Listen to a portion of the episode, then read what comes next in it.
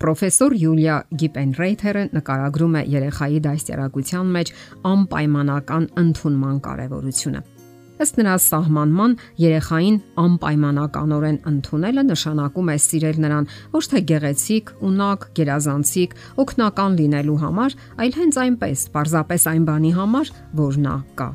Ըստ նրա, երեխայի անպայմանական սիրո դրսևորումների բացակայությունը հանգեցնում է հուզական խնդիրների, վարքի շեղումների եւ նույնիսկ հոգեկան խանգարումների։ Բոլորն են սիրում իրենց երեխաներին, եւ դա կասկածի ենթակա չէ։ Սակայն սիրո իրենց դրսևորումներում կարող են սխալներ թույլ տալ։ Գոյություն ունի տարածված սխալ, որ մասնագետներն անվանում են պայմանական սեր, ինչը շատ ծնողներ դժվար են պատկերացնում։ Սխալ է, երբ ծնողները կարծես պայմանով են սիրում երեխաներին։ Այդպիսի սիրո դեպքում կարևորվում են արարքները։ Ստացվում է, որ երբ երեխան իրեն լավ է պահում, նրան սիրում են ավելի շատ, իսկ երբ վատ արարքներ է թույլ տալիս, մի տեսակ սարճում են Սակայն դրանով ուղերձներ են հղվում երեխային, որ մեզ համար կարևորը նրա արարքներն են, այլ ոչ երեխան ինքը։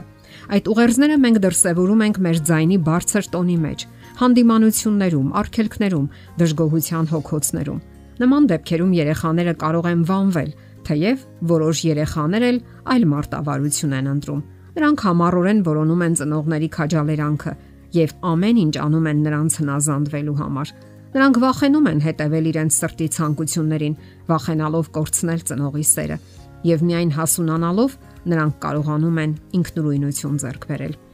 Քրիստոնեության մեջ անվերապահ սեր տերմինը կարելի է համեմատել Քրիստոսին ներում հասկացության հետ։ Այն կարող է օգտագործվել նաև Աստծո սերը մարդու նկատմամբ ցույց տալու համար, անկախ նրանից այդ մարդը սիրում է Աստծուն թե ոչ։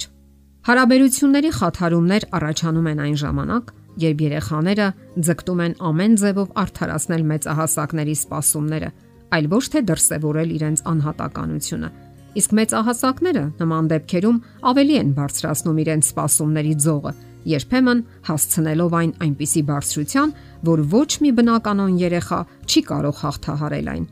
Ծնողներին հիմնականում թվում է, թե իրենք սիրում են իրենց երեխաներին ոչ պայմանական սիրով, սակայն եթե կարողանային թափանցել երեխայի ներաշխարը, ապա պարզապես կապշեին, տեսնելով թե ինչ են զգում երեխաները նման վերաբերմունքից։ Երեխաները կարող են ունենալ փափուկ զգայուն բնավորություն եւ հնազանդվել ծնողների բարկությանը, բռնկումներին, արգելքներին, հանդիմանություններին, պարզապես ճնշումներին, սակայն դա ի վերջո չդրսևորվի այս կամ այն ձևով։ Ահա թե ինչու կարիք կա, որ ծնողները փոխվեն, հասկանան իրենց բնավորության այդ թերությունը Հակառակ դեպքում, ինչպես նշեցինք, հետագայում հնարավոր են հարաբերությունների խզումներ, սիրո անբավարարություն կամ ընդհանրապես բացակայություն։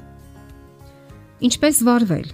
Հաճախ պետք է բարերով արտահայտել սերը։ Ես սիրում եմ քեզ եւ ապացուցել դա գործուն արարքներով։ Ծնողները երբեմն շատ ինքնավստահ որոշում են, որ իրենց ընտանիքի անդամները առանց բարերի էլ գլխի կընկնեն կամ կգուշակեն իրենց զգացմունքների արկայության մասին սակայն դա այնքան էլ այդպես չէ։ Կան խորհուրդներ, որ կօգնեն ձեզ կարգավորելու ձեր հարաբերությունները երեխաների հետ։ Ընդ որում չի բացառվում, որ այս խորհուրդներից որոշները օգտակար լինեն նաև մեծահասակների հետ ձեր հարաբերությունների համար։ Առաջինը հարկավոր է զսպել բարկությունը։ Սովորեք որևէ ձևով հաղթահարել ձեր բարկությունը։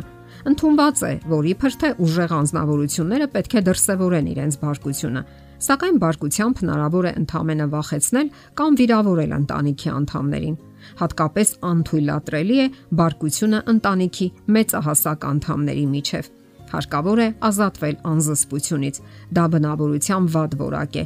բացարձակապես անպետք լծակ, որի միջոցով կարողանաք որևէ բան պարտադրել դիմացինին։ Եթե նույնիսկ այլ կերպ չեք կարող, միևնույնն է, դիմացիները չեն ընդունելու դա։ Բարկությունը մարդկանց ճնշելու միջոց է, իսկ ցանկացած ճնշում վիրավորական է։ Սովորեք հասկանալ, որոշել բարկության հայտնվելու առաջին նշանները եւ իրերը կոչեք իրենց անուններով։ Մի խափեք ձեզ։ Մարդիկ հիմնականում խափում են իրենց այսպիսի դեպքերում, ասելով թե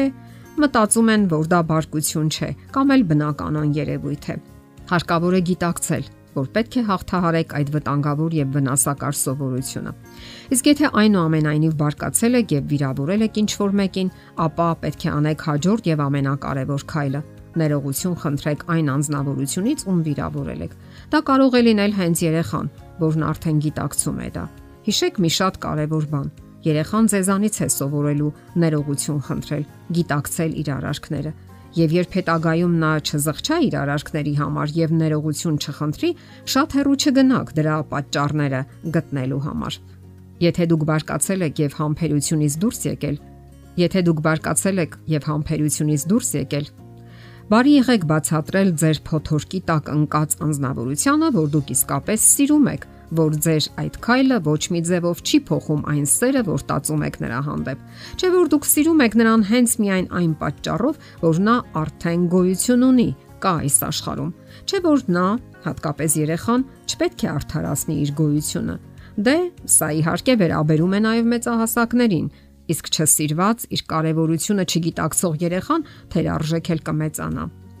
Հարկավոր է ասել նաև, որ դուք շարունակելու եք սիրել նրան անկախ նրա արարքներից։ Հետաքրքիր է, որ որոշ մարդիկ այսպես են արդարացնում հանդիմանությունների իրենց մոլուցքը։ Իրենք դա անվանում են կառուցողական քննադատություն։ Դա իհարկե այդպես չէ։ Դատապարտությունը, քննադատությունը շատ հազվադեպ է կառուցողական լինում այն համարյա միշտ քայքայի չէ։ Դատապարտումը նվաստացնում է մարդուն։ Այն բահատության մեջ է գցում մարդուն եւ նվազեցնում նրա ինքնագնահատականը։ Ժամանակի ընթացքում նա սիրո զգացումը վերածում է ատելության։ Հարկավոր է վարվել ճիշտ հակառակ ձևով, հաճախ գովաբանել։ Բաց մի թողեք ոչ մի հնարավորություն քաջալերելու երեխայի լավ արարքը Մի զրկեք ձեր մտերիմներին հաճոյախոսություններից, գովասանքներից, բարի խոսքերից։ Նրանք բոլորն էլ շատ ունեն դրա կարիքը եւ ունեն հատկապես ձեր սիրո կարիքը։ Ընդ որում առանց պայմանի սիրո։ Եթերում ընտանիք հաղորդաշարներ։ Ձեզ հետ է Գեղեցիկ Մարտիրոսյանը։ Հարցերի եւ առաջարկությունների համար զանգահարել 033 87 87 87 հեռախոսահամարով։